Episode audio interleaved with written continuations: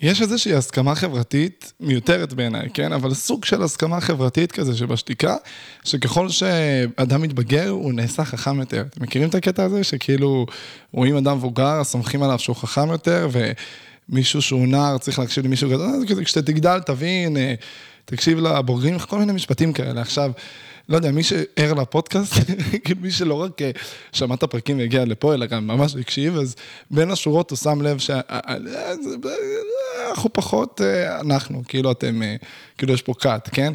זה, זה לא, לא ערכים, אוקיי? לא ערכים. עכשיו, אני זוכר את עצמי בתור ילד, סבבה? יש לי ממש זיכרון שלי בתור ילד קטן, ממש, כאילו ברמה של בין 30, 40, סתם, לא, כאילו ממש צעיר, אוקיי? משהו קטן. שש, סבבה? נניח מספרים כאלה. ואני אומר לעצמי, עכשיו תבינו, גדלתי בבית דתי, סבבה? בית דתי, אזור אה, דתי, זה vibe כזה של אה, ימין, אוקיי?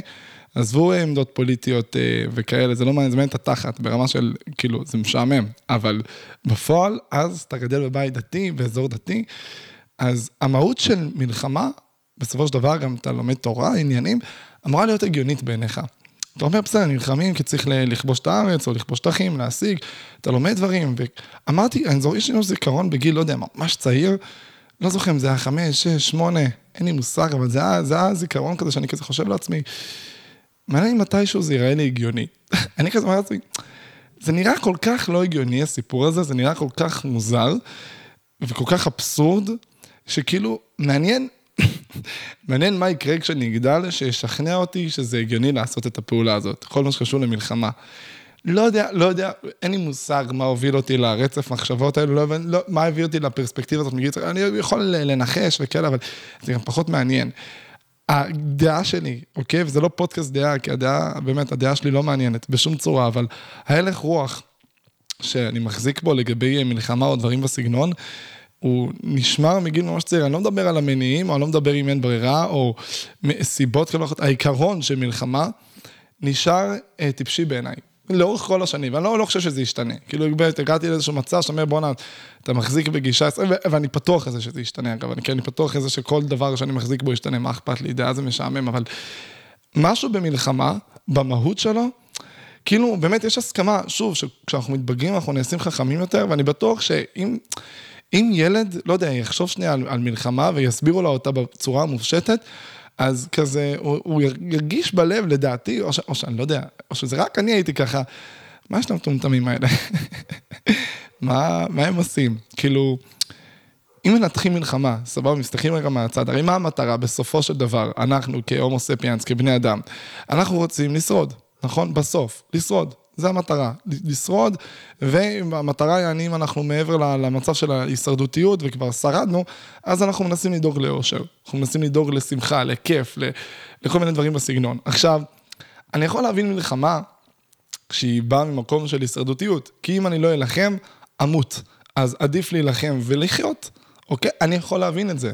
זה נשמע מאוד הגיוני, כמו, לא יודע, שרשרת המזון, סבבה? אם אני לא אוכל ואלחם בחיה המסוימת הזאת ואטרוף אותה, אני אמות מרעב, ואני לא רוצה למות, אז אני אלחם.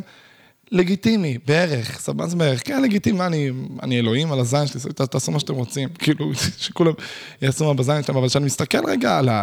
כשהסתכלתי ואמרתי, בוא'נה, אין פה צורך הישרדותי. מה, לכולם יש אור, אתה רעב? לא, אתה רעב, יש לך קורת גג, אתה בסדר. אתה מסתכל, כולם סבבה, מבחינת המצב ההישרדותי. ואני זוכר שהייתי לעצמי, אמרתי, כולם בסדר, מה... מה הלחץ? לאן אנחנו ממהרים? כאילו, מה, מה דחוף? מה, מה כל כך קריטי שאסכן את הנוחות שלי למען המלחמה? מה כל כך חשוב? ואני זוכר את עצמי, עכשיו שוב, הדעה אה, מעמיקה ומתרחבת, ונכנסים נושאים ואידיאולוגיות ואמונות, ברור.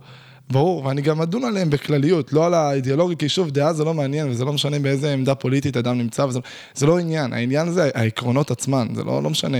כשאדם מסתכל מהצד ואומר, אם המטרה זה לשרוד, וכולנו שורדים, אז להילחם, אפשר לדון, אפשר לנסות להשיג דברים בכל מיני דרכים, אפשר לפתח, אבל מלחמה במהות הבסיסי, הבסיסי שלה, של הפרה-היסטורי, פאקד אפ, הרי מה זה מלחמה? בואי נדבר על זה, אוקיי?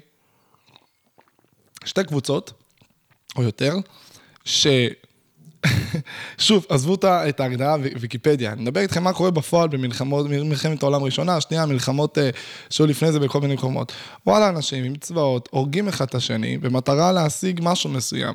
נניח לרוב זה שטח. אוקיי? רוצים להגדיל את השטח. למה רוצים שטח? פעם זה היה רצון בעוד אה, אדמה, אה, ושאחרי זה, ויבולים ואוכל, ובדרך כלל המיני, אחד מהמינים העיקריים למלחמות היו רעב. סתם נתון שאמרתי, זה הגיוני, קראתי אותו בכל מיני מקומות, אל תסתמכו עליו, לא להסתמך על כלום בפודקאסט. זה לא פודקאסט אקדמאי, תפסיקו לבדוק, תעזבו את הגוגל. תעזבו, שימו את הגוגל בצד. אז כשאני מסתכל על מלחמה, אוקיי? ואני רואה, יש פה שתי קבוצות שהן פשוט נלחמות אחת בשנייה ומסכנות את החיים אחת של השנייה, וזה נראה להם לגיטימי למות בעבור משהו, למרות שהן כבר שורדות. זאת אומרת, הן כבר שורדות. המצב כבר סבבה. המצב הוא, הוא לא בהכרח מדהים, הוא לא בהכרח מושלם, אני, אני מסכים. אבל המצב סבבה, למה למות? ואז נכנס משהו מסוים. וזה נקודה חשובה, כי זו נקודה שגם אז בגיל 6 חוויתי אותה, כי שוב, הייתי דתי מאוד מאוד מאוד מאמין בכל הדברים, בכל האלמנטים של קשורים לדת, אה, באמת, כאילו, ההוויה עצמה הייתה מאוד דתית, אוקיי? אז אידיאולוגיה זה משהו שעדיין היה שם ועדיין זה היה נראה טיפשי. נסתכל מהצד, יש אידיאולוגיה, בוא אנחנו... טוב למות בעד ארצנו, טוב למות בעד משהו באופן כללי, טוב למות בעד... אני מוכן למות בשביל X, למות בשביל Y. אם לבן אדם אין ערך מסוים שהוא מוכן למות עבורו, וואלה, אין לו מוטיב... כאילו, אין לו למה לחיות ואין לו משמעות ועניינים. שנייה, שתוק. אל תציק לי. רגע, בואו נדבר שנייה על, על הנקודה הזאת. למה? שנייה, שנייה, שנייה, שנייה. ברור שהמדינה חשובה, אוקיי? אוקיי. ברור שהלאום חשוב וברור שהכל, ברור שהכל חשוב, אוקיי? אידיאולוגיה, עניינים, אני, אני שם אותם במקום גבוה, שלא תטעו, אני, אני, אני, אני איתכם, אני איתכם, סבבה? כל הפודקאסט הזה זה אידיאולוגיה ו- ולקדם משהו, אוקיי? אבל כאילו, בצבא יש איזה תרגיל שעושים בטירונות, שמביאים כזה כל מיני אה, ערכים. ואז מביאים לכם, כאילו מביאים כזה, כל מיני, כולם פה עשו טירונות, אז כל מי ששומע את זה, או חלק צעירים, אתה עושה לכם ספוילר, זורקים לכם כל מיני ערכים, אה, חיי אדם, תואר הנשק, אה, ניצחון, לא יודע אם זה הערך בכלל, אני סתם משקר, כל מיני ערכים שמביאים, סבבה, בטירונות, ואז אומרים, תדרגו אותם לפי, ה, לפי החשיבות שלהם, או משהו כזה, ואתה לא באמת יכול לדרג, כי לכולם יש את אותה חשיבות בערך, משהו בסגנון, ואז מביאים סיטואציה. ואז אומרים, אתה לא יכול לדרג, אוקיי, קח סיטואציה. מה אתה עושה אז? ואז אתה שם לב שיש פה ערכים מתנגשים. זה או שאני דואג לניצחון, או שאני דואג לתור הנשק, או שאני מסכן חיי אדם בשביל הניצחון. מה אני עושה? כי אם אני שולח חיילים למלחמה, אני אנצח, אבל אני מסכן חיילים שלי, ואני שם אותם בפעולה מסוימת בשביל אתיקה, ש... ואז מסתכלים ורואים שיש ערכים מתנגשים. ואני חושב שכל אדם, מעבר לאידיאולוגיה, כי אידיאולוגיה זה דבר חשוב. בואו נשים את זה על השולחן, ערכים זה חשוב שיש איזה משהו שאנחנו חיים עבורו משמעותי, גם אם בסופו של דבר הכל חסר משמעות, שימו משהו, שיהיה לכם מוטיבציה, שיהיה לכם כיף לקום בבוקר, ובאמת, אני, אני, לי יש אה, אידיאולוגיה, ערכים ודברים שאני קם עבורם בבוקר, סבבה, בין היתר שאני רוצה להעביר את הגישה הלאה ולעשות יותר טוב, אבל בסופו של דבר, כשבן אדם קם בבוקר, הוא צריך גם לזכור שיש יש רצף של דברים. זאת אומרת, אם עכשיו בן אדם יש לו את האמות, הנה, ניתן, לכם דוגמה שתגרום לכם להבין. יהיה את הבן אדם שהוא אידיאולוג הכי, הכי, הכי, הכי, הכי, הכי, הכי גדול, סבבה? נקרא לזה, בכוונה אני לוקח, זה נשמע כאילו הפרק הזה הוא שיימינג אה, לעמדות ימניות, ממש לא, הוא שיימינג אה, לכולנו, כולל אה, לי, אני עצמי, אוקיי? הוא לא שיימינג, למה אתם דוחקים אותי לפינות? למה אתם עושים לי את זה כל פעם? תרפו, תקשיבו. אבא, ימני, מאוד מאוד מאוד מאוד ימני, אוקיי? שעכשיו יגידו לו, שומע? זה לא שאתה צריך לשלוח את הילדים שלך למלחמה, כדי שארץ ישראל תהיה שלמה, אתה רואה את כל ה... לא יודע, שישה ילדים שלך, נניח, יש לך שישה ילדים, אתה צריך אה, להקריב אותם. לא, לא צוחקים, באמת. אם אתה מביא את ששת הילדים האלה אה, לאויב, וששת הילדים האלה הופכים אה, לעבדים שם, מתעללים בהם, עניינים, בלאגנים והכל, אז אנחנו, אה, זה רחוב. זה רחוב. אני לא אעביר אתכם אפילו את התהליך של להגיד, אם תוותר על ילד אחד בשביל כל ארץ ישראל השלמה, אתה מוכן? ואז הוא יגיד, וואי, זה קשה וזה קשה. אברהם אבינו עמד בניסיון, ידבר עם עצמו, ימלמל, יביא את הילד. יגידו לו, אוקיי, כל השישה ילדים. אוקיי, השישה ילדים אשתך, קול, מגניב. עכשיו, לא בשביל ארץ ישראל, בשביל עיר, אתה מוכן? אוקיי, בשביל רחוב, בשביל בית. אה, בשביל רחוב כבר לא מתאים לוותר על כל הילדים. כי רחוב זה לא כזה חשוב, לא הבנתי, המת... האידיאולוגיה לא אומרת ארץ ישראל השלמה לפני הכל? יש ערך לפני זה. ערך המשפחה, ערך חיי אדם, ערך חיי אדם שאני אוהב. אוקיי, אז כשאנשים אומרים, טוב, למות בעד ארצנו, כאילו הערך הזה הוא עליון מעל הכל, אני אומר, שנייה, שנייה, שנייה. אני מבין, מבין את הכוונה שאידיאולוגיה זה דבר חשוב, וטוב למות עבורה במקרים מסוימים, או, או שלא, או שכן, כל אחד והדעה שלו, זה לא באמת מעניין את התחת, הדעה שלכם, כי גם הדעה שלי לא מעניינת לעצמי את התחת. אני, באמת, ת, ת, תבינו, ככל שהפרקים יתקדמו, אוקיי, ותראו את הדברים, אתם... אין לי בעיה, והרבה אנשים רואים את זה, והם, כאילו, כשאני מדבר איתם, אני מחזיק בדעה, ואז אומרים איזה משהו מסוים, אני אומר, אה, וואלה, אוקיי, נשמע יותר הגיוני ממה שאני מחזיק במרפא. מה כל כך חשוב בדעה? מה כזה קריטי? תרבות, תיאור, כאילו, אם זה משהו שיש בו היגיון, אוקיי? אז מה הבעיה לשמוע עוד היגיון של אדם אחר? ואם ההיגיון שלו יותר מדויק ויותר רלוונטי ויותר נכון, לפי איך שאתם בכללי רואים את החיים, תרפו. מה לא נותן לנו להרפות? הרבה פעמים האגו והרבה פעמים משמעותיות שאנחנו שמים סביב, בן אדם ששם אידיאולוגיה שלמה סביב דת, או אידיאולוגיה שלמה סביב ערך, או, או משהו מסוים, הוא מקיף את החיים שלו סביב הדבר הזה, ואז פתאום משהו מערער אותו, כמובן שהוא לא ירצה לוותר עליו מיד, אוקיי? אנחנו גולשים לנושא אחר, אני חוזר שנייה לפואנטה. אז אותו בן אדם ש... לא היה, לא היה מוכן לוותר על כל הילדים שלו בשביל רחוב, אבל היה מוכן לוותר על ילד אחד, נניח אומרים, ילד אחד צריך, יש לך ילד שצריך להיכנס 25 שנה לכלא בשביל שארץ ישראל תהיה שלמה, מוכן? בטח, ושיהרגו אותו, הוא מתחיל לבכות, מוכן, ושישה ילדים, מוכן, מוכן, איזה ניסיונות, איזה ניסיונות. אומרים לו, אוקיי, סבבה, ובשביל עיר, ואז הוא כזה מרגיש שעובדו עליו. מה? עיר? ורחוב, מה, ברור שלא רחוב. אנחנו נילחם ונשיג, אומרים, לא, אבל רחוב, ארץ ישראל השלמה, עניינים, מה ארץ ישראל זה לא הערך החשוב ביותר. אז הנקודה הזאת באה להראות שלא משנה מה האידיאולוגיה של בן אדם, מה הערך של בן אדם, הוא לא יודע את זה, אבל עמוק בפנים, יש לו ערכים שכנראה קצת יותר חשובים. נניח הישרדותיות, לעומת, נניח, שנייה, אני אדייק את זה. אם יש לבן אדם, אה, שני, נניח לבן אדם יש שני ערכים, אוקיי? יש לו הרבה ערכים, אני אקח שניים. יש לבן אדם את האידיאולוגיה שלו, ויש לבן אדם את ההישרדותיות. האידיאולוגיה שלו, הוא היה מוכן, אה, היא עוברת את ההישרדותיות, הוא היה מוכן למות עבור האידיאולוגיה שלו, אוקיי? הוא היה מוכן להקריב את עצמו רק כדי לא לוותר האידיאולוגיה. סבבה? עכשיו, אתם זוכרים, אה, מישהו פה מכיר את הסיפורים האלה שלפני אלף, אלפיים שנה, חמש מאות שנה, וכל מיני פרעות ודברים שעשו ליהודים, אז הכריחו אותם אה, לאכול חזירים. אוקיי? ואיימו עליהם, תאכל חזיר, כשניסו להמיר את, את הדת שלהם. אם אני לא טועה, תפסיקו, נדייק בעובדות, זה בנאלי, זה בנאלי. גם ככה מי שכתב את ההיסטוריה זה המנצחים, אנחנו לא יכולים לדעת אם היא נכונה. סתם. סתם, כן, סתם, לא. סתם לא תדעו את הדעה שלי, כי היא לא חשובה.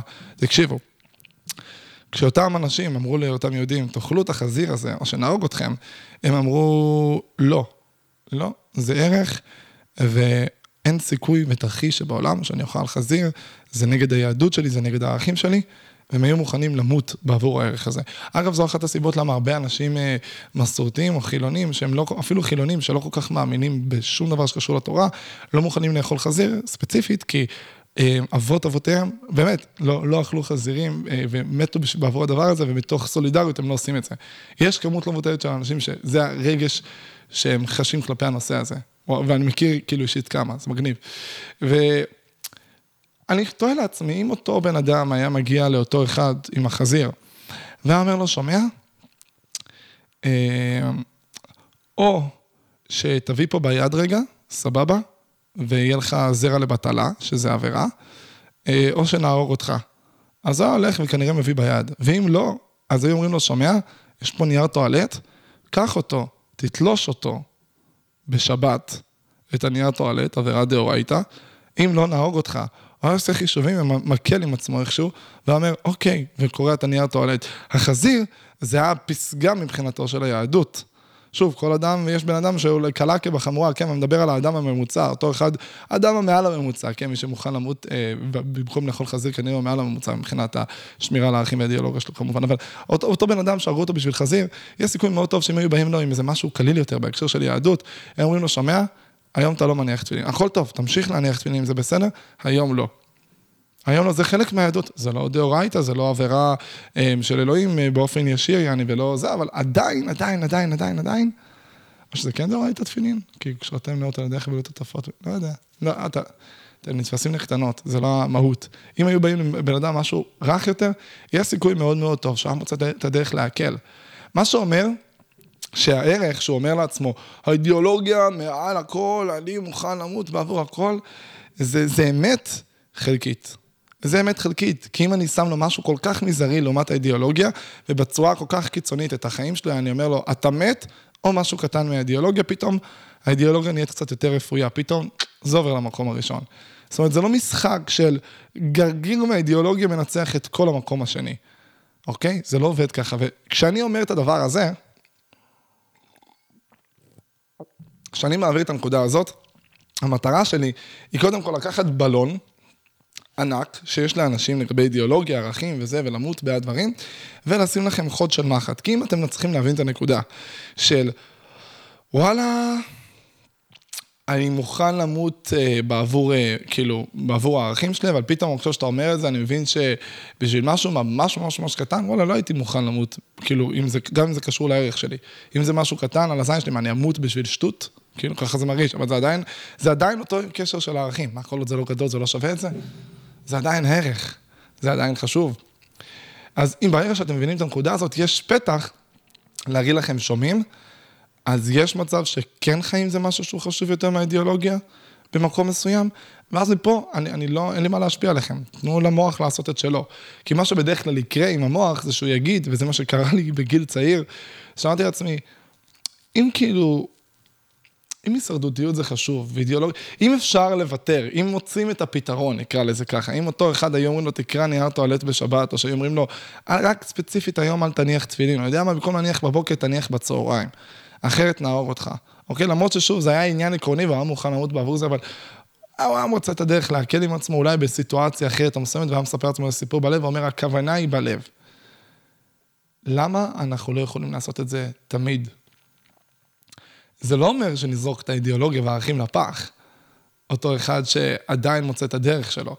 זה לא אומר שנזרוק את האידיאולוגיה לפח. זאת אומרת, בן אדם שלא מוכן להקריב את ששת ילדיו בעבור לקבל רחוב אחד מארץ ישראל השלמה שהובטחה בתנ"ך, אוקיי? סתם נשמע טוב מזלזל, אני לא מזלזל בערך שלו, כל אחד ומה שהוא חי איתו. אבל כאילו, בסופו של דבר, רחוב מארץ ישראל השלמה מהמטרת על שיש לו בחייו, אוקיי? רחוב. בעבור ששת ילדיו. אותו אחד שלוקח את ששת ילדיו ואומר, זה חשוב יותר מהרחוב, ואז מה הוא יגיד לעצמו משפט הבא, כדי להשקיט את המצפון שלו? הוא יגיד, אנחנו נשיג את זה בדרך אחרת. הוא פתאום יבין, וזו הנקודה העיקרית שאני רוצה שנייה שנשב עליה, הוא יבין שלא משחקים בחיי אדם. שחיי אדם הם חשובים, זאת אומרת, חיי אדם של ילדיי לפחות, הם חשובים, אז אני אחפש אלטרנטיבה. וזה המהות של כל מה שאני רוצה שתבינו. שברגע שהם שמים את ערך חיי האדם במקום גבוה, פתאום הרגש שלנו מתפנה למצוא חלופות. פתאום יש דרך לחשוב על אלטרנטיבות. ברגע שאנחנו מבינים שחיי האדם זה הערך, זה האידיאולוגיה החשובה ביותר, ההישרדותיות שלנו ושל הקרובים שלנו ושל הסביבה, ואנחנו מבינים שזה לפני כל ערך, לפני כל אידיאולוגיה, אז אנחנו מבינים שאוקיי, בואו נמצא חלופות אחרות לקדם את האידיאולוגיה. אנחנו ב-2022, יש מספיק דרכים מתקדמות כדי שזה לא יעבור על חשבוננו. בוודאות. אוקיי? זה, ה... זה המהות. אני, אני אמצא דרך מניפולטיבית להשיג פה ושם. אה, זה לא עבר לך קודם. כי זה היה נראה לך הגיוני למות בעבור משהו, כי חונכת על זה, כי גדלת על זה, כי גדלת על סיפורים. כי לכל מדינה יש צבא, וצבא במהותו אומר טוב למות בעד ארצנו. ואז אנשים יוצאים למלחמה ומתים. כי טוב למות בעד ארצנו, בלי שהם יום אחד חשבו בפועל עם עצמם מה זה אומר למות ומה זה אומר ארצנו. מה המשמעות של מדינה, לאום, מה זה אומר גדרות, מה זה אומר ערכים, מה זה אומר כלום, בגיל 18 שמו להם נשק ביד, בכל מדינה בערך. יש כאלה שזה חובה, יש כאלה שזה, שזה, אה, איך זה נקרא, בתשלום, אוקיי? אבל בסופו של דבר, ילד בן 18 שלא מספיק לחשוב על הערכים שלו, הוא לא מבין כלום, הוא פשוט ניגש ועושה את זה. וזה לא משהו נגד צבאות. זה משהו נגד עקרונות, נגד גישה, נגד ערכים, או בעד, יותר נכון, בעד גישות אחרות ששמות מראה לדברים. אני, אני אגיד לכם את האמת, אם מישהו רוצה להבין את הפרספקטיבה של קצת מהדעות שסתם, אני אתן לכם, אני אוהב לתת הצצות מדי פעם, סתם שתבינו, אני כן פרקטי. אני בחיים, לא משנה כמה תראו אותי אה, ב vibe פציפיסטי וחבקן וחמוד ושובי דובי ובואו נתחבק ונתכרבל כולנו, אני כן הגיוני. אני כן הגיוני, גם אם אני אומר שהגישה הכי, הכי, הכי, הכי, הכי טובה בעולם, זה להרים את הגדרות ולהתחבק כולנו, לא משנה מי נמצא, פשוט לחבק אותו. אני מבין שאם אני ארים את הגדר אני אמות, אז אני אשאיר את הגדר. לבינתיים. אבל אני אבין שהגדר היא לא באמת הפתרון. הגדר היא פתרון זמני לרגע כדי להגיע למטרה יותר גדולה. זה ההבדל בין גישה אה, שהיא לוחמנית לבין גישה שהיא שנייה פרקטית, כי אני לא רוצה למות. אני רוצה לחיות, זה חשוב, הגדר פה, אבל לרגע, אני, אני, אני מבין שהיא זמנית. אני צריך לסדר את העניין הזה, אוקיי? ו... אה, אחלה הצצה, קיבלתם. אמ, ואני חווה את זה שרוב האנשים שאומרים, אני מוכן למות בעבור הערך שלי, לא מבינים את, ה, את גודל העניין. כי ברגע שאני קצת מאמת אותם על איזושהי שאלה, שתיים, אומרים, די, תעזוב אותי, זה מבלבל אותי, זה עושה לי פה, זה עושה לי שם. ולא עדיף להתבלבל לרגע ולהבין מי אתה, מה אתה רוצה, מה חשוב לך לפני שאתה קופץ למים. ולכן, מגיל צעיר, כשאני מסתכל על מלחמה, זה נראה לי אבסורדי. זה נראה לי, לא יודע, למלא דברים אתם מוצאים חלופות, לזה לא מצאתם? כאילו בחייאת רבאק. כל כך הרבה דברים מצאנו חלופות. עכשיו, בסופו של דבר, מאז מלחמת העולם השנייה, חוץ מכמובן, מלח... לא היה מלחמת עולם עדיין, עדיין, כי כל רגע מרגישים שזה הולך לפרוץ. אבל בסוף, מאז מלחמת העולם השנייה, מאז 1945, לא הייתה עוד מלחמת עולם. היו, היה מלחמת אה, רוסיה-אוקראינה, והיה מלחמה, את המלחמה הקרה בין ארה"ב לרוסיה. היה, היו כל מיני אה, שחרורים של מדינות וכל מיני אזורים, היו מלחמות. היה פה מלחמות, מלחמת ששת הימים, מלחמת יום כיפור, ומלחמת יום העצמאות, לא מלחמת העצמאות. אה, היו כל מיני מלחמות. אבל עדיין לא הייתה מלחמת עולם, כי כאילו העולם איכשהו הגיע להבנה שהוא, כאילו, הוא שורד יותר, והוא הגיע להבנה הזאת שיש חלופות. ועכשיו יש לאט לאט גם חלופות גם במובן הטכנולוגי, במובן הכלכלי, הפיננסי. שסין רואה, לצורך העניין, שהיא יכולה להתרחב ולכבוש עוד שטחים, והיא תפסיד המון המון המון דברים בדרך, לעומת סיטואציה שאומרת, רגע, למה שאני לא אגדיל את ההון שלי בצורה מסוימת, ואז אנשים יהיו יותר תלויים בי, ואז גם אם המדינה חושבת שהיא המדינה העצמאית, אני הבעלים שלה. כי יש לי כל כך הרבה כסף שאני יכול לקנות את כל, את כל מה שקורה אצלם עשר שנים קדימה, אז תכלס אני, יכול אני יכולה להיות הבעלים של המדינה הזאת. אוקיי, דברים שאנחנו אפילו לא מספיקים או לחשוב עליהם, כבר העולם לאט לאט מגיע לאיזשהם מסקנות. זה לא סותר את זה שיכולה להיות מלחמת עולם שלישית כל רגע, כן? אבל משהו במהות של מלחמה עדיין תמיד היה נראה לי פתטי. זה היה נראה כזה, מה קורה? לא, לא, לא, מה קורה איתכם, הכל טוב. העניין הוא שכשיש ערך כל כך כל כך חשוב, כמו נניח, אה, וואלה, סתם, אני אביא לכם דוגמה, אוקיי? יש ערכים סופר חשובים, נניח יהודים היו מפוזרים כל הזמן בעולם. אה, נניח מה שקורה פה בארץ, אני, אני, אגב, שתדעו, אני לא מדבר על מלחמות אה, הישרדות. שוב, דיברתי על זה בתחילת הפרק, מלחמת הישרדות היא הניסתה, לא יודע, אה, אני מביא דוגמה קיצונית ואני אעבור לדוגמה פחות קיצונית. לא יודע, מרד גטו ורשה, obviously שזה לא מלחמה שאני, שאפשר להסתכל, עליה, כאילו זה מלחמת הישרדות. מלחמת העצמאות זה כשהעם היהודי בורח מכל מקום בעולם, שכל שניה עושים לו פרעות, והיה לו הרקע לפני שלוש שנים נגמרה השואה, והוא קיבל את הזכות להיות בארץ, ובאים ותוקפים אותו ומגיע על עצמו, והוא מנסה להשיג את השטח שמגיע לו, זה קצת פחות הישרדות מאשר סיטואציה שבה יש עם שאומר, שומע, אני רוצה לכבוש או להשיג את הדבר הזה. זאת אומרת, שוב, זה, אגב, זה מושג כפול, זה מעניין לדון על זה, כי אם תסתכלו רגע נניח על מלחמת ששת הימים, שוב, אני הולך לדבר פה אה, עובד, בצורה הכי עובדתית שיש, למרות שבאמת, רמת הבורות שלי היא כנראה בשמיים. סתם, נראה לי שאני לא הולך לטעות בנתונים, יש מצב ש... תהיו עם ויקיפדיה, תהיו עם ויקיפדיה. הרי מה קרה במלחמת ששת הימים? זה לא שבאנו ותקפנו. כמו כל מלחמה, יש מלחמה שישראל באה והתחילה, שכאילו באה ואמרה, שומעים, יאללה בוא נכבוש, לא, לא, לא זכור לי. אבל אחרי ששת הימים, וואלה, באו, כאילו, באו לזיין אותנו, סבבה, באו לתקוף אותנו. בישראל הייתה בת 19, כולה צעירה, חמודה, מקסימה, ובאו, לא יודע, איזה חמש מדינות, נראה לי, נכון?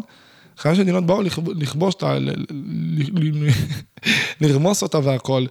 ראינו את זה, הצלנו את עצמנו, ובתוך הסיטואציה שהצלנו את עצמנו ושרדנו בתוך הסיטואציה, כבשנו. כבשנו. כבשנו, אתה בתוך סיטואציה של מלחמה, אתה נלחם, אתה שורד, ועל הדרך אתה מרחיק את האויב, ואתה מתקדם מאוד, ומתקדם מאוד, ומתקדם מאוד, ויש לך שטחים פתאום. נכון? או שזה בורות. כי אם זה בורות, זה מדהים, אם זה, אם זה בורות, אז באמת, כאילו, סלחו לי, באמת, גדלתי בבית ספר דתי, בבית ספר ימני, אה, אז כל ה... כל הערכים שגדלתי עליהם לגבי הצבא, זה, זה שאנחנו לא התחלנו מלחמה מעולם, וכל פעם שפתחתי ויקיפדיה, למרות שפתחתי ויקיפדיה רק בעברית בנושאים האלה, זה שמעולם לא התחלנו מלחמה בעצמנו, נכון? עזבו פעולות, סטייל, לא יודע, להשמיד את הכור האטומי בעיראק, נכון? איזה רמת בורות, אני מת על זה. אמ, אז כשאני מסתכל, נניח, לצורך העניין, על מלחמות סטייל מלחמת העצמאות, או מלחמת ששת הימים, או מלחמת כיפור, שכאילו כל הסיטואציה שם זה לשרוד ולשרוד ולשרוד, זו סיטואציה אחרת מאשר שאני רואה, נניח, לא יודע, את רוסיה, שבאה ונלחמת, ואז יבוא בן אדם, יקום ויגיד, שומע? הסיטואציה של רוסיה, אתה לא מבין, אבל זה הישרדות, ואז אני שואל אותו, מה זאת אומרת? ואז אומרים, נאט"ו, אם אוקראינה הייתה מצטרפת לנאט"ו, היו טילים שהם לעבר רוסיה, וכל רגע אה, זה היה מסכן אותה. טילים של פצצות אטום וכאלה, וזה היה מאיים עליה, וזה היה מסוכן, אם אוקראינה הייתה שם, ורוסיה עשתה את זה כדי להגן על עצמה. והתשובה שלי היא שאני לא יודע, כאילו זה לא, זה לא באמת מעניין, כי אני בא לדבר על, אה, על עיקרון, על איזושהי מהות מסוימת, על איזשהו עומק, ונותנים פה איזושהי סיטואציה ספציפית כדי להעביר את זה.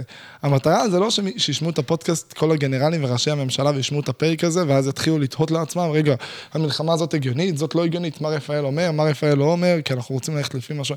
לא, זה לא רלוונטי. אני, המטרה שלי פה זה שגם אם תחוו הזדהות כלפי 5-10% מהנושא הזה, שתהיה לכם את היכולת בעצמכם להסתכל מהצד על מלחמות ולהגיד, בואנה, בסופו של דבר יש פה סיטואציה של, ועכשיו אני עובר לנושא היותר דומיננטי של הפרק, שבסוף מה אנחנו רוצים? בחייאת רבאק. מה כולם רוצים? באמת, כאילו, 90% מהאוכלוסייה, 80% מהאוכלוסייה, הרוב, הרוב המכריע מאוד. רוצים לחיות בסבבה. באמת, רוצים שיהיה להם סבבה, רוצים שיהיה להם כיף, רוצים ליהנות. לאף אחד לא מעניין את התחת, באמת, כאילו, כשאני אומר לאף אחד, שוב מדבר על ה-80 אחוז, סבבה, ברור שיש אנשים שמעניין את התחת. אבל בוא נגיד זה ככה, לרוב המכריע לא מעניין דקויות. מעניין להיות בהרמוניה, להיות בסבבה. אני בטוח שכל אדם, גם הימני הקיצוני ביותר, בכל מקום, ימני קיצוני ביותר אמריקאי, ערבי, ישראלי, רוסי, גם הימני הקיצוני ביותר, עמוק בפנים בלב, רוצה לחיות בסבבה עם כולם. ההר רוצה שיהיה בסדר. הימני הקיצוני, אצלו זה יבוא לידי ביטוי בזה שהוא רוצה אה, שטח יותר גדול שרשום על השם של המדינה והלאום שלו והוא יחוש גאווה, אבל בסופו של דבר הוא רוצה שיהיה טוב, מה אכפת לו? אם נניח אוקראיני יהיה באזור של, של טענתו, בשליטתו, והוא תורם לכלכלה והכל מחייך ושמח ואומרים שלום בסופר וכולם נחמדים אחד לשני. כי למה לא? מה האינטרס שלו לא לרצות את זה? מה הוא יפסיד מזה? מה אנחנו נפסיד? כן, וגם אם הימני הקיצוני ביותר שומע את זה עכשיו בפרק הזה, מה האינטרס של אדם, לא משנה כמה קיצוני הוא, לא לרצות שיהיו חבר'ה ערבים, אוקיי? אנשים אומרים היום מהמגזר הערבי, כי זה לא politic, politically correct להגיד, כמו שאומרים מהמגזר האתיופי.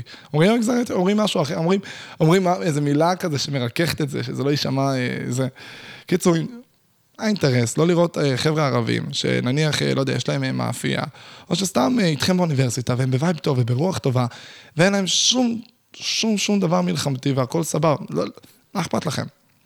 זה יפריע לכם באמת. ואנשים טובים שאוהבים אתכם, שמחבקים אתכם, שאומרים, מה, מה המצב, האח שלי, מה קורה, מה... ואיתכם, הם פשוט, הזהות שלהם, הלאום, או ההורים שלהם, לא משנה מה, זה ערבי, מה, מה, ישנה לך אם הם מדברים גם ערבית בנוסף? זה לא באמת מה שמשנה. החשש והפחד המהותי שיש לכל בן אדם עמוק בפנים בלב, זה הפחד הזה, שאותו בן אדם לא, לא בצד שלי. הוא, הוא, הוא לא בצד שלי. ואז יש שני אנשים שעמוק בפנים ממש רוצים להתחבק. עמוק, עמוק, עמוק בפנים, שהם היו רוצים להיות בסבבה עם כולם, הוא לא לחבק אותו ספציפית, לחבק את כל העולם. אבל הוא בטוח שההוא רוצה להרוג אותו, והוא בטוח שההוא רוצה להרוג אותו. וה... מבחינתו, האינטרפטציה שלו למוות זה שהוא הוא, הוא, שם עליו, אה, שהוא מנסה לכלוא אותו איכשהו, והוא מבחינתו, ההוא רוצה להרוג אותי. ויש ביניהם איזושהי איבה, ואם שניהם היו מבינים, בואנה, אני, אני באמת רוצה לחבק אותך, והשני היה מבין, בואנה, אני, אני גם אני בתכלס רוצה לחבק אותך, ו, ושניהם היו באמת מבינים את זה לעומק, הכל היה בסדר. לא אם שניהם היו מבינים לעומק, אם שניהם היו מבטאים את כל העולם עצמו. אם כולנו דמיינו מלחמה שבה יש כזה הפסקת אש, ואז בהפסקת אש, במקום שכל אחד יחזור לשטח שלו, בהפסקת אש, נניח וכולם מדברים אנגלית, או כולם מדברים עברית, או כולם מדברים ערבית, לא משנה מה, בהפסקת אש, כולם יושבים ביחד לאיזה שלושה ימים של מחנה, ומתחילים לדבר אחד עם השני, ושואלים כזה, מה, מה המטרה שלך במלחמה הזאת? ומתחילים דיון, ואחרי זה חוזרים להילחם, בלי מכות, בלי לריב, בלי... בלי מלחמות, באים לדבר, לצחוק אחד עם השני. מה המטרה שלך במלחמה הזאת? בחייאת, מה אתה רוצה? ואתה יושב עם האנשים האלה, ואתה מחבק אותם, וצוחק איתם, וישן איתם, ומבין את הרגשות שלהם, ומה קורה, ומה עובר, ופתאום אתה חש קרבה, הזדהות, אתה מבין את הצורך שלהם, והם מבינים את הצורך שלך, ואתם מבינים שהוא לא כזה סותר בכך, פתאום יש דיון. עכשיו יבוא אדם, שיגיד, איזה שטויות אתה מדבר?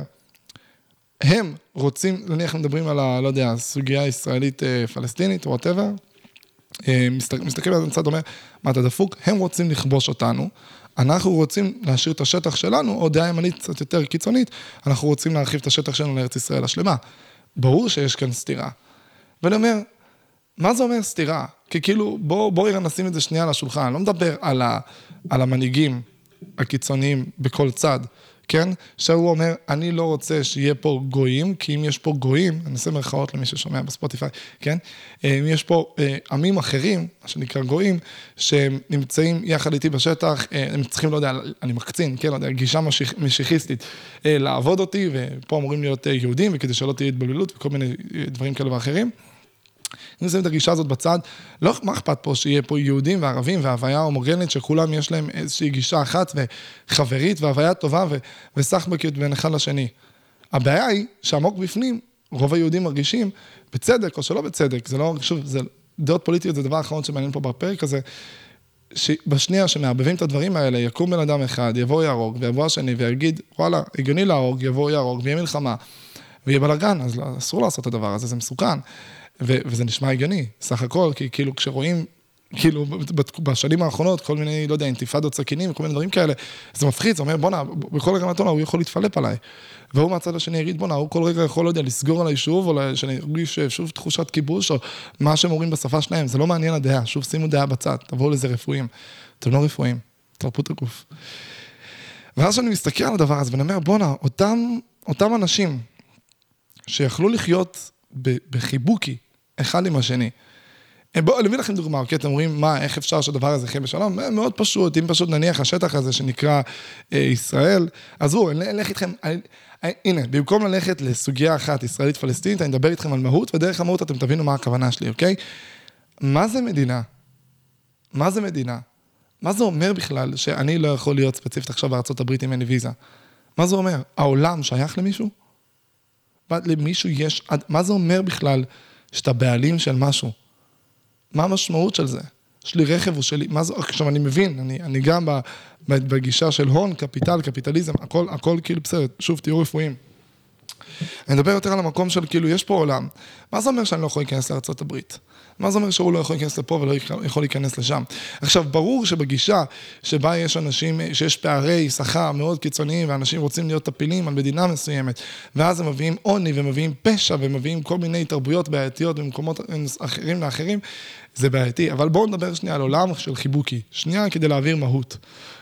חייבים לדמיין את העולם האוטופי הזה לשנייה כדי להבין מה הכוונה. בעולם אוטופי, למה צריך גדרות? למה צריך גבולות? כאילו, למה, למה זה קריטי? למה זה כזה משנה? כאילו, מה, מה יקרה באמת אם כאילו פשוט לא יהיה, כמו שלא לא יודע, אין גדר בין, אה, יש את המקום הזה שכאילו, אה, של המשולש. אני בוודאות לא הולך לזכור את שלושת המדינות שיש שם. גרמניה עם עוד שתי מדינות. גרמ... טוב, אני הולך עדיין לנחש? אני אגיד גרמניה, לא, אבל זה, זה יהיה טעות. ליטא? ליטא. גרמניה, זה לא גרמניה, בלגיה, צרפת. איזה משולש יש? הולנד אולי? לא זוכר, יש משולש. יש כל מיני משולשים, כאילו, מתמטית, אם מדמיינים את הצורות, חייבים להיות כל מיני משולשים. נקודה שכאילו שלושת המדינות מתחברות, וכאילו פשוט עוברים. למה שזה לא יהיה ככה בכל העולם? למה שזה יהיה משנה איפה בן אדם נמצא?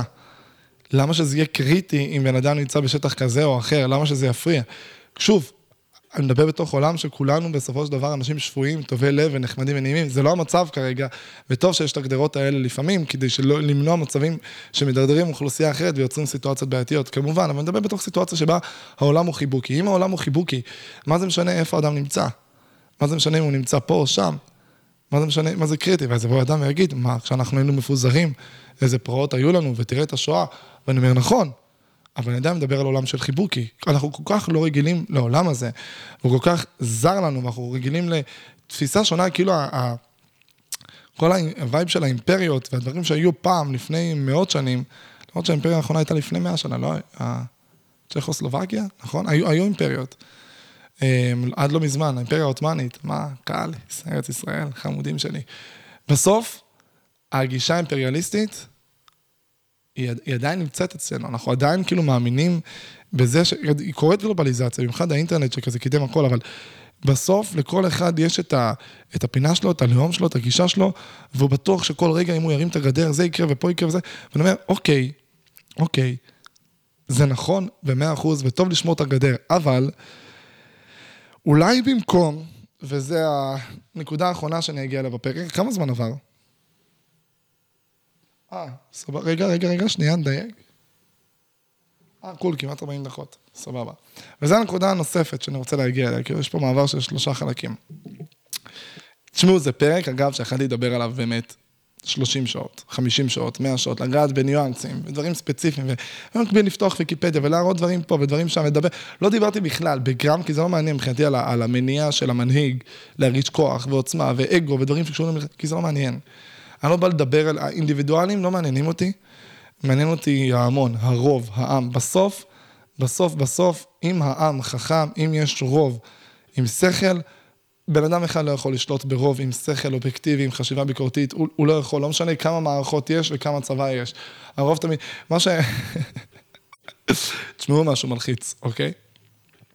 בסוף, כאילו, לא יודע אם אה, חשבו על זה, או חושבים על זה, או שזה במודעות, אבל בסוף, נניח, תחשבו נניח על עם שממש אה, נניח בריב איתנו, אוקיי? נניח ועזה ממש בריב איתנו, אוקיי? לא יודע כמה יש אה, בעזה, מיליון, שני מיליון? אם בעזה עכשיו מיליון אנשים בצורה אחידה מחליטים, בצורה אחידה, כל המיליון, אה, לכבוש את ישראל, לעשות מלחמה, מיליון, שני מיליון, כולם, באמת, ברמה של ילד מגיל 15 עד גבר בן 60, מחליטים להתאבד על ישראל בצורה מוגזמת, 100 אלף, 200 אלף, חצי מיליון, הם לא צריכים רובים. אם כולם מתנפלים על הגדר, הגדר נופלת, תרססו אותם, הם ירוצו על הגופות, אם נניח שוב, הערך של, של לכבוש את ישראל למיליון, מיליון וחצי, שתי מיליון אנשים, יהיה יותר גדול מערך חיי האדם שלהם ושל הקרובים להם. הם יקפצו על הגדר, יורידו אותה כולם, והם לא צריכים הרבה, שיקחו מקלות ואבנים, וואלה, אם בן אדם אחד מגיע עם אטרף, לוקח מקל עם אה, מסמרים ודופק בבן אדם, ואז לוקח לבן אדם אחר את הנשק, והוא לוקח רכב, הם משתלטים על רכבים, והם פשוט מתחילים לעשות, אה, לדרוס דברים ומקומות ולה... דמיינו מה זה מיליון אנשים, אוקיי, אז נניח, נניח ויהיו מטוסים וזה ועניינים. וישימו כל מיני דברים שיהרגו 100 אלף, 200, 300 אלף. יש פה עוד חצי מיליון אנשים שפשוט ימשיכו לרוץ, אוקיי? ההמון הוא מפחיד. המון שמאמין במשהו, הרבה הרבה הרבה הרבה יותר חזק מהמון שלא מאמין במשהו. ולכן המון שמאמין במשהו, הרבה הרבה הרבה יותר חזק מאיזשהו ראש ממשלה, או נשיא, או אדם בעל אה, גישה והשפעה שיש לו צבא, בסוף המון, הרוב, למה דמוקרטיה גם זה מאוד הגיוני, הרוב קובע, כי אם הרוב לא... עזבו את ה... יש את הערך אה, המניפולטיבי ויש את הערך. ששוטף את המוח וכל הדברים בסגנון הזה, אבל בסופו של דבר, אם ההמון מסכים על משהו וחושב על משהו, ובגישה הזאת, וכולם ביחד בלי פחד, הוא, הוא בלתי מנוצח, הוא, הוא ישתלט על משהו, הוא ימצא את הדרכים שלו, הוא ימצא את הפתרונות. כמובן שזה גם חייב, חייב, חייב לבוא יחד עם איזושהי אמונה עצמית ועם אחידות מאוד מאוד מאוד מאוד חזקה, ולהאמין במצב ההישרדותי שאתה נמצא בו. ואם אתה מרגיש שאתה במצב הישרדותי, כמו, לא יודע, גטו ורשה וכאלה, אתה תרוץ ותילחם. וזה למה... תתעמקו בזה רגע, תתעמקו בזה רגע, שבסופו של דבר, אם עכשיו בעזה חצ... חצ... מיליון אנשים מחליטים להתאבד על הכל, באמת, לא משנה מה, ימותו 10 אלף, 20 אלף, 50 אלף, 100 אלף, 200 אלף, כל עזה מחליטה פשוט להגיד, אנחנו לא, והם קוראים לפני זה, אומרים שבוע לפני זה מרתיעים אותנו, אומרים יום לפני זה, יומיים לפני זה, אומרים, אנחנו לא באים להרוג אף אחד, אל תילחמו בנו, הכל בסדר, נמאס לנו לחיות בתוך כלא, ככה הם אומרים. אנחנו באים להשתלב בתוך ישראל, כי זו גם המדינה שלנו, זה לא הגיוני שתסגרו אותנו פה. אנחנו רוצים לחיות כמו כולם. יש לכם שבוע לתת לכולנו אזרחות או אפשרות, אחרת תהיה בעיה. לא נותנים, לא נותנים, לא נותנים, בום. מיליון אנשים פורצים את הגדר. ואז ישראל תהיה בבעיה, היא תגיד, מה, אנחנו נהוג 200 אלף אנשים, איך העולם מסתכל עלינו? ישלחו עלינו פצצות מפה, ועניינים פה ושם במלחמת עולם, ומה יקרה? אבל אין מיליון אנשים שאחידים ברעיון הזה שימותו 50, 100, 200 אלף איש, שהיו מוכנים למסור את נפשם בשביל העיקרון או ההיגיון הזה, בצורה הזאת. שוב, לא משנה מה תגידו, לא משנה מה תגידו, תתעמקו בזה רגע, מתמטית. אתם יודעים מה זה 100 אנשים ביחד שבאטרף? אז תנסו לדמיין מה זה אלף, עכשיו דמיינו עשר אלף, מאה אלף ומיליון אנשים. זה מסה פסיכופתית, חסרת מעצורים, פשוט אין גיבוש כזה, זה גיבוש יותר מדי משוגע בשביל שהוא יקרה. לכן אני אומר, אני מעביר את כל הדבר הזה, שוב, זה פחות מעניין כל הדברים מסביב של... זה, זה יותר מעניין אותי שהאדם הפשוט, האינדיבידואל, שלא נמצא בעמדת כוח, סתם יחשוב, יתחיל להבין, להסתכל על המלחמה מזווית קצת אחרת, להגיד בואנה, הגיוני להילחם כשאתה שורד, השאלה מה זה נקרא לשרוד. אולי הכנסתי יותר מדי פרמטרים לעניין של לשרוד? כאילו, עד כמה הערך הזה חשוב? אם באמת לא הייתי מוכן להרכיב את ששת הילדים שלי בשביל פיפס מהדבר הזה, אולי, אולי כאילו, אפשר להטיל בספק את מה שקורה פה. אוקיי, יאללה. אני עובר לנושא הבא. וואי, איזה נושאים. קשה, קשה לדבר על הנושאים האלה בלי, בלי שהדעה שלך תישמע, כי אני באמת חושב שהדעה שלי, תשמעו, בינינו, בואו נשים את זה לשולחן, בפרק הזה, כאילו אפשר לשמוע את הדעה שלי בסוף, כן? אבל פשוט לא בא לי לשים עליה דגש, היא לא מעניינת, היא לא מעניינת. אנשים אה, נותנים המון המון במה לדעה שלהם, כאילו זה דבר חשוב. בסוף, יש, אה, ואני אעביר את ההבדל, יש הבדל ענק בין דעה, נניח, אה, ימין, שמאל, אה, בעד מדינת הלכה, נגד מדינת הלכה, לבין מהות. לבין מהות, עיקרון, גישה לחיים באופן כללי. הגישה עצמה היא השורש שכשמסתכלים עליו אפשר להבין את הדעה. אבל לצעוק את הדעה סתם כדעה, הדעה מבחינתי זה סימפטום של גישה, של אה, פרספקטיבה. אה, של, דעה זה סימפטום של גישה, פרספקטיבה, אגו, חינוך וכל מיני שיט כזה או אחר, למרות שגם זה קשור. לא משנה, אני לא, לא אעלה אתכם בפרטים. בואו נקפוץ לדבר הבא. אז ברגע שבן אדם מבין שמלחמה זו אולי לא הדרך האידיאלית להשיג את הדברים. זוכרים מה אמרתי מקודם? הוא מתחיל לחפש אלטרנטיבות, נכון? איזה אלטרנטיבות יש? איזה עוד דרכים יש להשיג את המטרות של אותו אדם? כי מבחינתי, כל מה שקשור למלחמה, וזה המהות של הפרק מבחינתי, לא משנה כמה שדיברנו על דברים חשובים, כי מבחינתי הם הרבה פחות פרקטיים ממה שאני הולך להגיד עכשיו, בסופו של דבר, כולנו נמצאים במלחמה כל הזמן. אנחנו לא נמצאים רק במלחמה אה, עם עמים אחרים, או עם המדינה שלנו נגד מדינה אחרת. אנחנו נמצאים במלחמה כאינדיבידואלים עם אנשים, אינדיבידואלים אחרים. ואנחנו הכי הרבה נמצאים במלחמה עם עצמנו. אנחנו נמצאים במלחמה עם גישות ישנות, עם ערכים ישנים, עם כל מיני דברים שתקועים לנו בראש במשך המון המון המון המון שנים. והמלחמה הזאת, שאנחנו מבצעים אותה, שהרבה פעמים יכולה לנבוע מכל מיני דברים שאנחנו נקרא להם בכל מיני שמות, כמו אגו, כבוד וכל מיני שיט כזה או אחר, אבל בסופו של דבר היא מלחמה. בסוף, משהו בטמטום של שני אנשים שיוצאים לקרב, שעמוק בפנים בלב, עמוק עמוק עמוק, הם היו רוצים, כל מה שאני אומר לכם, שני אנשים שעמוק בפנים היו רוצים להתחבק. אז אני מדמיין אה, גבר ואישה שממש ממש רבים, ומהצד, כאילו, בן אדם מסתכל מהצד, איזה סקסולוג אומר, יש ביניהם מתח מילים מטורף עמוק בפנים, לא יודעים שהם ממש רוצים לשכב, אז זה פשוט אה, מתבטא בריב. אבל לא, לא מדבר על זה מהמקום הזה, פשוט, באמת, שני אנשים, שבסופו של דבר נמצאים מתוך סיטואציה, אחד עם השני, שוואלה, אין שום סיבה שהם לא יהיו בסבבה ויתחבקו, כאילו באמת, אתם יודעים, אני, אני, אני חייב להגיד משהו, אני חייב לזרוק איזה משהו, הייתי בסופה של האחרון בחיפה, אוקיי? כאילו מבחינתם זה אחרון אה, אחרון, לפני שבועיים, כי אתם שומעים את זה בדיליי. הייתי בחיפה, ואז ראיתי משהו ממש אה, מבדר. אני הולך שם באזור, אה, באזור של השוק, לא יודע אם זה שוק, לא יודע, יש שם חגיגה של משהו של, של, של או ערבים נוצרים או ערבים מוסלמים, איזשהו חג, לא, לא בקיא, לא בקיא בכלל. יש מצב שזה הפסחא? לא, פסחא זה, לא, זה היה, זה היה, לא, איך פסחא? פסחא זה היה פסח, זה באותה תקופה. מה זה היה, Thanksgiving? זה היה, שם סנטה קלאוס ראיתי. לא יודע, זה... חוגגים את זה אחרת מסתם נוצרים, מאשר ערבים נוצרים נראה לי. קיצור, לא משנה, הייתי שם, וראיתי אותם עם המוזיקה, ורוקדים, ומחייכים, ועם הבשר, ועם האלכוהול, ועם איך שהם זזים, ונראים, ומרגישים, ומחבקים אחד את השני. ואז ראיתי שם לידם המון, לא המון, ראיתי שם, כשראיתי שם יהודים, הייתי שם הרבה אשכנזים. עכשיו, אשכנזים מהסוג ה...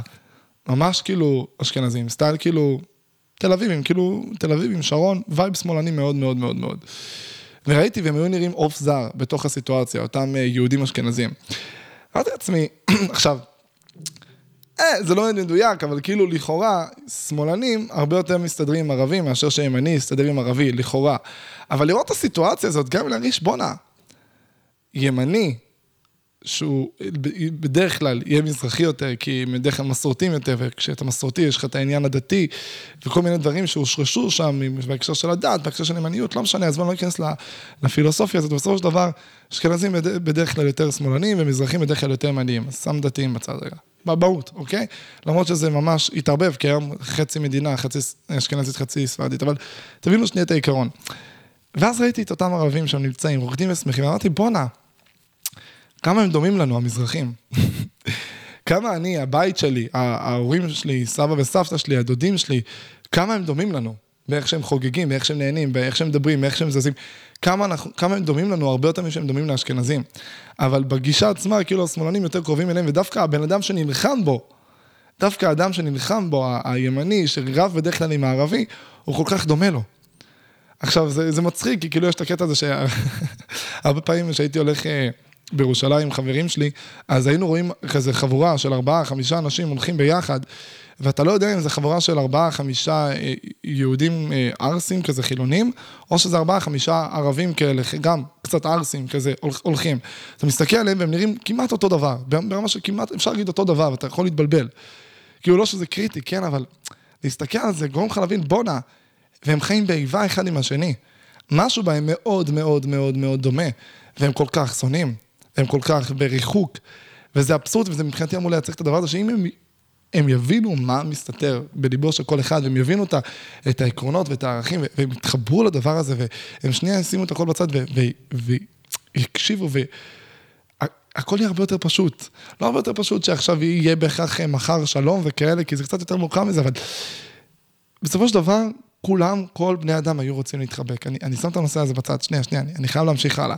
אז הנקודה הזאת, מבחינתי, השורש שלה בא לייצג את זה שמלחמה זה דבר, בעיניי, מגיל קטן, הנה, קחו דעה, קצת מטומטם, אוקיי? כל עוד זה לא מלחמת הישרדות, ואני חושב שאנחנו מגדירים יותר מדי רחב על זה מלחמת הישרדות, ואנחנו לא מחפשים פתרונות יצירתיים יותר וכל מיני פתרונות uh, מעניינים. שוב, אני לא מדבר על הישרדות ולשמור על עצמנו, אני מדבר על ה... על ה vibe המלחמתי שהיה יותר פעם, באימפריות שפשוט באו להתפשט לכל מיני מקומות כדי להרגיש יותר חזקים ועוצמתיים, ולא עניין של להשיג יותר שטחי גידול.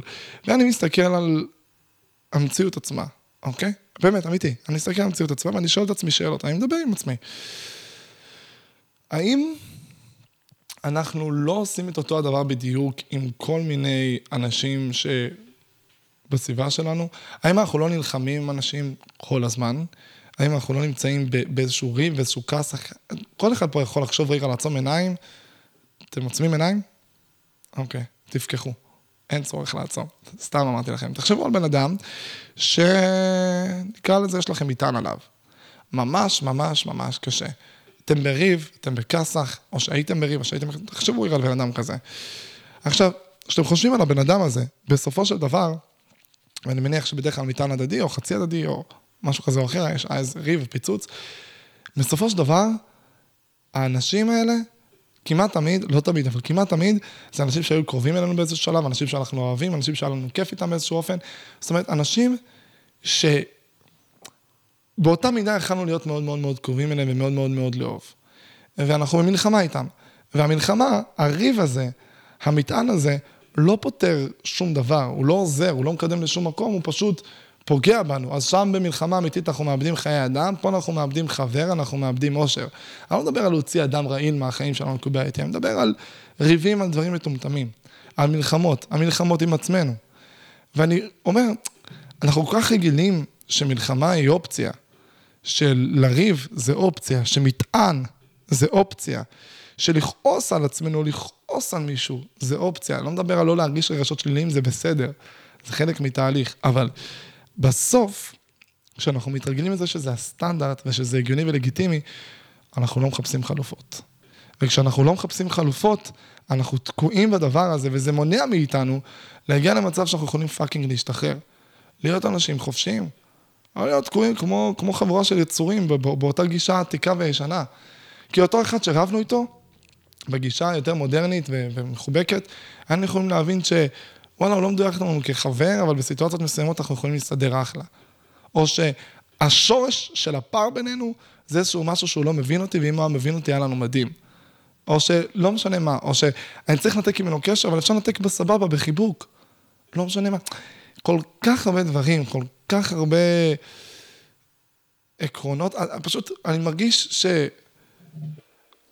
אנחנו הולכים לאזור הנוח, הטבעי, הרגיל, שחינכו אותנו בלי הפסקה, ואנחנו לא מכירים את הפתרון האחר, ואני רוצה להציג חלופה.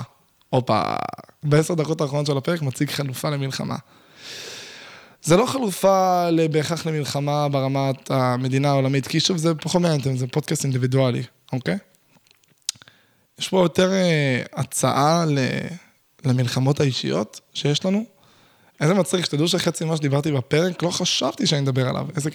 באמת, כל פעם שאני הולך לפרקים ארוכים מהגזמה, כאילו בתחושה שלי שהם יכולים להיות 20 שעות, ואני אומר, לא, דווקא 20 שעות אני אעשה אותו בול שעה, לא דקה אחת יותר כדי לא להתפזר, אה, ושלא יהיה פה בלאגן וניכנס למיליון נושאים ואז זה יהפוך לשעתיים.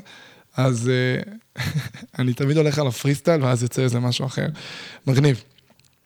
המקום של נגד, שכאילו, החלופה למלחמה בעיניי זה התעצמות אישית.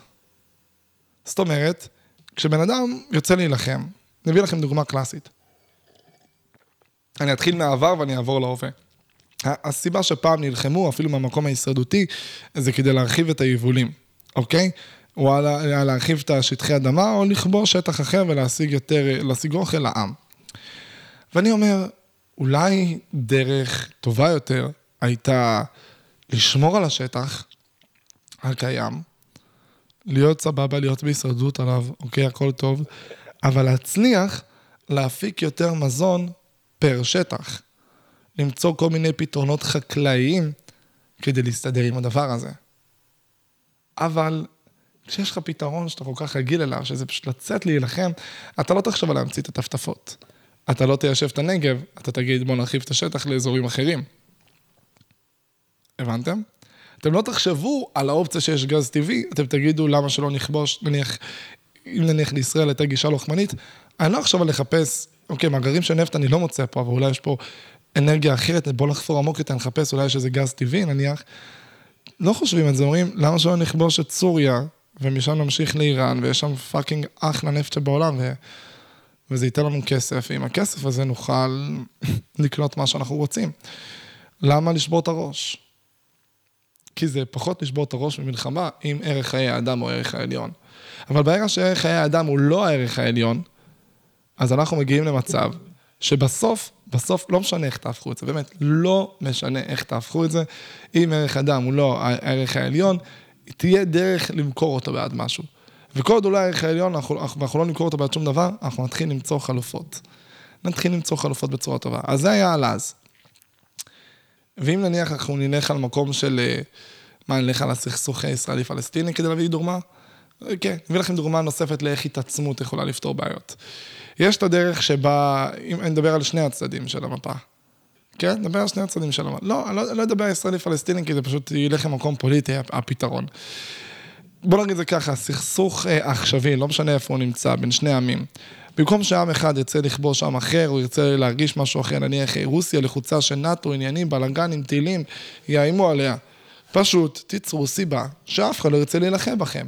אם יש לכם ערך להביא לעולם, אף אחד לא ירצה להתעסק איתכם, אף אחד לא ירצה לריב איתכם. אם אתם כמדינה מספיק חזקה ומספיק חשובה, ויש לכם מספיק כוח בידיים ואתם מספיק עוצמתיים, אז הכל באמת בסדר, אתם תהיו סבבה. אבל אם אתם לא חשובים, אם אתם מיותרים, ואתם לא רלוונטיים, ויש לכם משהו שאפשר לכבוש ולהשיג, למה שמישהו יעצור את עצמו? אבל אם אתם חזקים ועוצמתיים בעצמכם והכל בסדר, אתם לא תצטרכו עוד שטח או עוד משהו, אתם יכולים להתעצם בעצמכם. ואני מדבר על האינדיבידואל עכשיו, אני אלך לסיבה העיקרית, בחמש דקות האחרונות של הפרק, אני מדבר על זה. שכל אחד מאיתנו כאינדיבידואל יכול ללכת על הגישה של, אני יכול ללכת על המקום, אני אתן, אני אתן את הקלאסי, אוקיי? בן אדם שמרגיש חוסר ביטחון והוא רואה שיש איזשהו מישהו רכרוכי, איזה מילה מקסימה זאת רכרוכי. רואה מישהו רך יחסית ואומר, בואנה, יש שתי דרכים. נכון? יש את הדרך שבה אני משתפר, ויש את הדרך שאני פשוט מוריד איזה מישהו אחר, ואז אני יוצא יותר טוב. העניין הוא שכשאני מוריד מישהו אחר, אני פוגע במיליון דברים שאני אפילו לא רואה באותו רגע. אני פוגע אפילו בהרמוניה שלי עם עצמי, בסבבה עם החיים, אני יוצר אויב פוטנציאלי, אני מאבד חבר פוטנציאלי, אני נעשה אפל ורע, ואני, אחרי זה, בסופו של דבר, מה שיוצא לאחרים גם יצא על עצמי, במקום פשוט להתעצם בעצמי, בלי קשר לאותו בן אדם. לאהוב את עצמי יותר, לחבק את עצמי יותר, להרגיש יותר ביטחון עצמי, כל מיני דברים שאפשר פשוט להתפתח בהם. זאת אומרת, אם יש ריב עם בן אדם על משהו, אם לנו יש איזושהי מלחמה עם בן אדם מסוים, במקום להילחם בו, תתעסקו בלהתעצם, תתעסקו בלהיות יותר טובים, ואם תהיו יותר טובים, ואתם לא תתעסקו בריב, הוא יראה את הערך שלכם, והוא בעצמו ירצה להשלים איתכם, הוא ירגיש שאתם חשובים, הוא ירצה למצוא את הפתרון. אתם תהיו ב vibe טוב, מחייך ונחמד, ופשוט תשתפרו והכל יהיה בסדר. ויש את התת ערך שבו אני רוצה לדבר עליו, שכמעט תמיד, כשיש דרכים או דברים שקורים בעולם, יש שני... יש כל מיני דרכים, אוקיי? שתי דרכים עיקריות שבדרך כלל קורה, יש דבר כזה שנקרא אה, להילחם ברע. כאילו, אני כל הזמן אומר את זה ואני כל הזמן אגיד את זה, ויש להוסיף טוב, אוקיי? אנחנו רואים סיטואציה שיש רע מסוים ואנחנו אה, נלחמים בו כדי, ובדרך כלל כמעט תמיד להילחם ברע, יש שם איזשהו אלמנט הישרדותי, שאתה אומר, אוקיי, אני חייב לקחת חרב, אני צריך להילחם במשהו. יש לי אה, אה, מחשבות רעות, יש לי דיכאון, יש לי חרדות, אה, אני לחוץ, עובר עליי משהו, יש בן אדם שהוא עושה לי רע, בן אדם רעיל, ואז התחושה האינסטינקטיבית של הגוף שלנו היא התגוננות, וכשאנחנו מתגוננים, אנחנו לוקחים אה, מגן, אנחנו על הדרך גם ניקח חרב, ואז נילחם ברע. העניין הוא שכשאנחנו נלחמים ברע, בלי לשים לב, אנחנו גם מעצימים אותו. כי כמו שריר, שאתה קורע אותו, ואז כשהוא, מה קורה הרי באימונים, אתה מתאמן, אתה קורע שריר. אחרי שהשריר נקרע, הגוף אומר לעצמו, רגע, רגע, מה... איך זה קרה? אני לא רוצה שזה יקרה שוב. אז אתה אוכל חלבון, ואז השריר אומר, אני חזק יותר, ככה שזה לא יקרה פעם הבאה. ואז הוא גדל וגדל וגדל, ואז נהיים ממש שריריים. ואותו דבר עם הרע, אנחנו נלחמים ברע, ואז הרע רואה שניצחנו אותו באיזשהו אופן, וגם הוא מתעצם, והוא מוצא לזה שפה אחרת, כי המוח שלנו יוצר את הרע. אז הוא מתרגל למלחמה הזאת, והוא חושב שהוא תלוי בה, או שהוא זקוק לה, אז הוא מחפש עוד, מלחמ, עוד מלחמות יותר גדולות, ואויב יותר רציני ויותר גדול, בלי להבין שהאויב לא רלוונטי. בלי להבין שהמלחמה הזאת, כמו כל המלחמות בעולם, היא מיותרת. שאפשר בלעדיה. שאפשר להגיע למצב שאנחנו, במקום להחזיק חרב ולהילחם ברע, לא משנה מה זה רע בחיים שלנו, להילחם בדיכאון, להילחם במחשבות רעות, להילחם באיזשהו, באיזשהו דחף קיצוני שיש לנו, וממש להילחם, פשוט להוסיף טוב. אם בן אדם מכור למשהו, מכור ללראות סדרות, מכור לסיגרות, לסמים, במקום רק להגיד, אה, אני אפסיק עם הסיגרות, אני אפסיק עם הסמים, אני אעצור את כל הדברים שיש לי, ולהגיד לעצמו, רגע אחד, שנייה, שנייה, בוא ניקח נשימה אחת עמוקה ונשאל את עצמי, מה האלטרנטיבה למה שאני עושה כרגע? מה אני יכול לעשות בזמן הזה שאני רואה סדרות? הרי זה כיף לי, זה נעים לי. יש סיבה שאני מעשן וויד. למה אני מעשן weed? כי זה מרגיע אותי, נכון? זה נותן לי רפיון מסוים ולהעמיק. מה החלופה לזה? למצוא חלופה, תוסיפו טוב במקום להילחם ברע. ברגע שתוסיפו טוב, אתם בעצם אומרים לגוף שלכם, אני לא מזלזל בך, אני לא באתי לפגוע לך בלייפסטייל, אני בא לשפר אותו. עכשיו, כשאתה רק מוציא לו משהו שהוא בתחושה שלו עושה לו טוב, אז הוא בתחושה, באינסטינקט, הוא כזה, רגע, רגע, רגע, what the fuck, אתה רגע לקחת לי משהו שהוא ממש ממש טוב עבורי. שהוא משהו שעושה לי ממש טוב, שזה טוב לי החרא הזה. למה לקחת אותו? ואם אתה שם לו חלופה, אתה אומר, לא, לא, לא, אנחנו משתפרים, אחי. אנחנו באנו לרוץ. את מבינה? אני יודע שהיית פה בפרק, למרות שזה מלחמה, ואת בת, זה שטויות. תאמינו לי. אני, שתדעי שכל הפרק הזה את במודעות שלי. אני, אני מודע אלייך, מבחינתי פרק זה זכר ונקב, כולכם פה. זה באמת במודעות שלי שומעים את זה גם גברים ונשים. משהו בפודקאסטים של, של כאילו יש הוויה פילוסופית או פיתוח אישי, המון פעמים אני מרגיש, לפחות ממה שהייתי מקשיב פעם, כי היום אני כמעט לא מתעסק בזה, כאילו הוויה כאילו מדברים לגבר כל הזמן, נכון? כאילו מדברים לגבר ולגבר, בטח על פרק של מלחמה וחרבות ועניינים ולוחמים. לא, לא, כולם פה, אתן אה, רוב האוכלוסייה. אתן רוב, בין היתר בגלל מלחמות אגב, בגלל סיבת הפרק, כי רגילים אה, לגייס גברים יותר. אה, ועוד כל מיני סיבות, שאני לא יודע אותן בצורה מספיק טובה. אבל אני יכול להגיד אותן, כי מה אכפת לי לטעות, אני אעשה את זה גם ככה כל, הפ... כל הפודקאסט. בואו ניתן עוד משהו, נדייק את הנקודה האחרונה ואני אעשה closure לפרק. מבחינתי, להוסיף טוב, ואני רוצה לתת דוגמאות כדי שבאמת תוכלו לעשות את זה בפועל בעצמכם. להוסיף טוב זה להסתכל על המהות של הדבר שאתם עושים, שפוגע בכם, על המהות, על הנקודה עצמה, שפוגעת בכם, יש נקודה אחת עיקרית שממנה אתם נפגעים. סתם, אני אביא דוגמה, הסדרות נותנות, מביאות, מביאות לכם אה, פגיעה בזה שהזמן שלכם פשוט נמרח ואתם לא עושים דברים יעילים ושואבים אתכם למציאות אלטרנטיבית, וזה כיף לכם, התעסוקה והסיפור כשזה מביא אתכם לראות אנשים ולראות עולם שיש בו חיים מעניינים, אוקיי? זה אחרי העמקה. זה ייקח לכם זמן להגיד, זה לא, זה לא יקרה לכם בשנייה כמו שקרה פה עכשיו, אוקיי? זה אחרי העמקה מסוימת בנושא הזה של סדרות. אתם יכולים לעשות את זה עם כל דבר. ואז כשאתם רואים את זה, אתם אומרים, אוקיי, אז מה שאני מנסה להשיג פה זה חיים מעניינים. חיים שלא מספיק מעניינים, אז כשאני רואה סדרה עם איזשהו עניין מסוים, אני מרגיש ריגוש, אז אני צריך חיים מעניינים. Mm. אז במקום להפסיק את הסדרות, ואז העניין היחיד שיש לי בחיים ייעלם, אולי אני צריך להוסיף עניין לחיים שלי. מה זה עניין? איזה עניין אני רואה בסדרות שמרגש אותי? מה חסר לי? חסר לי חברים, חסר לי יציאות, חסר לי תחביב, תעסוקה, קריירה, משהו שמרגש, משמע, משהו משמעותי. ותוכלו לעשות את זה בכל דבר, במקום להילחם בעצמכם ולהגיד, אני לא אראה סדרות מהיום, אני מפסיק לעשן, אני מפסיק אה, לאכול אוכל לא בריא, לא משנה מה, תנסו להבין מה, מה השורש של הסיבה שבגללה אתם עושים את הדבר הזה, ואז תמצאו לה חלופה, וברגע שתמצאו חלופה, זה יהיה כל כך הרבה יותר קל להיפטר מההרגל הזה, ולהחליף אותו להרגל אחר, אפילו לא להיפטר, כי להיפטר זה שוב, זה מלחמה. זה פשוט יקרה לבד, במקום מצב של אתם נלחמים בו, וכשאתם נלחמים בו אתם ממש אוחזים אותו, ואתם יוצרים לו את הכוח, אתם פתאום תהיו, ת, ת, תילחמו בו מתוך רפיון. אתם תילחמו בו מהמקום הזה של, אתה כבר לא חשוב, במקום להחזיק אותו, אתם תפתחו את הידיים ותלכו למשהו אחר ותחזיקו משהו אחר. וכשאתם מחזיקים משהו אחר באופן אוטומטי, אין לכם מקום בידיים כבר להחזיק את זה, כי בן אדם שהחיים שלו מלאים, ויש לו עניין, שיש לו חברים, והוא יוצא, ויש לו חוויות, והכל מעניין ומרגש בחיים שלו, בסופו של דבר, לא יעזור בית דין, כן? תתעמקו מה שאני אומר עכשיו, לא יהיה לו זמן לראות סדרות. לא יהיה לו זמן לראות סדרות. בן אדם ש... ב vibe פרודוקטיבי גבוה, והכל טוב אצלו בחיים, והוא רגוע, ואין לו סטרס, והוא פיתח ביטחון עצמי, והוא בסביבה אוהבת וכיפית, ויש לו את הזמן שלו עם עצמו, שבו הוא רפוי לחלוטין, והוא בטיפול והכל טוב אצלו, לא ירגיש צורך כזה גבוה לעשן, כאילו, נדבר על וויד, כן? מריחואנה, ירוק, מה, איזה שם שבא לכם, ולברוח. כי מבחינתו, כל החיים שלו מלכתחילה בצ'יל, מלכתחילה רגועים. וואו, כן, אז נסו לחפש את המקומות האלה שבהם אתם, אה, יש לכם איזשהו הרגל רע, איזשהו משהו שאתם רוצים לשנות, או משהו fucked up שקורה אצלכם בחיים, שאתם לא אוהבים אותו. תחפשו את הדבר הזה, תמצאו אותו, ואז תגידו, אוקיי, אני רוצה לסדר את זה, אני רוצה להעיף את זה, אני קודם כל מנסה להבין מה הוא נותן לי. כי הוא נותן לי משהו חיובי, הוא נותן לי משהו טוב. ובמקום להילחם בו, אני אנסה להבין מה הדבר הטוב שהוא נותן לי.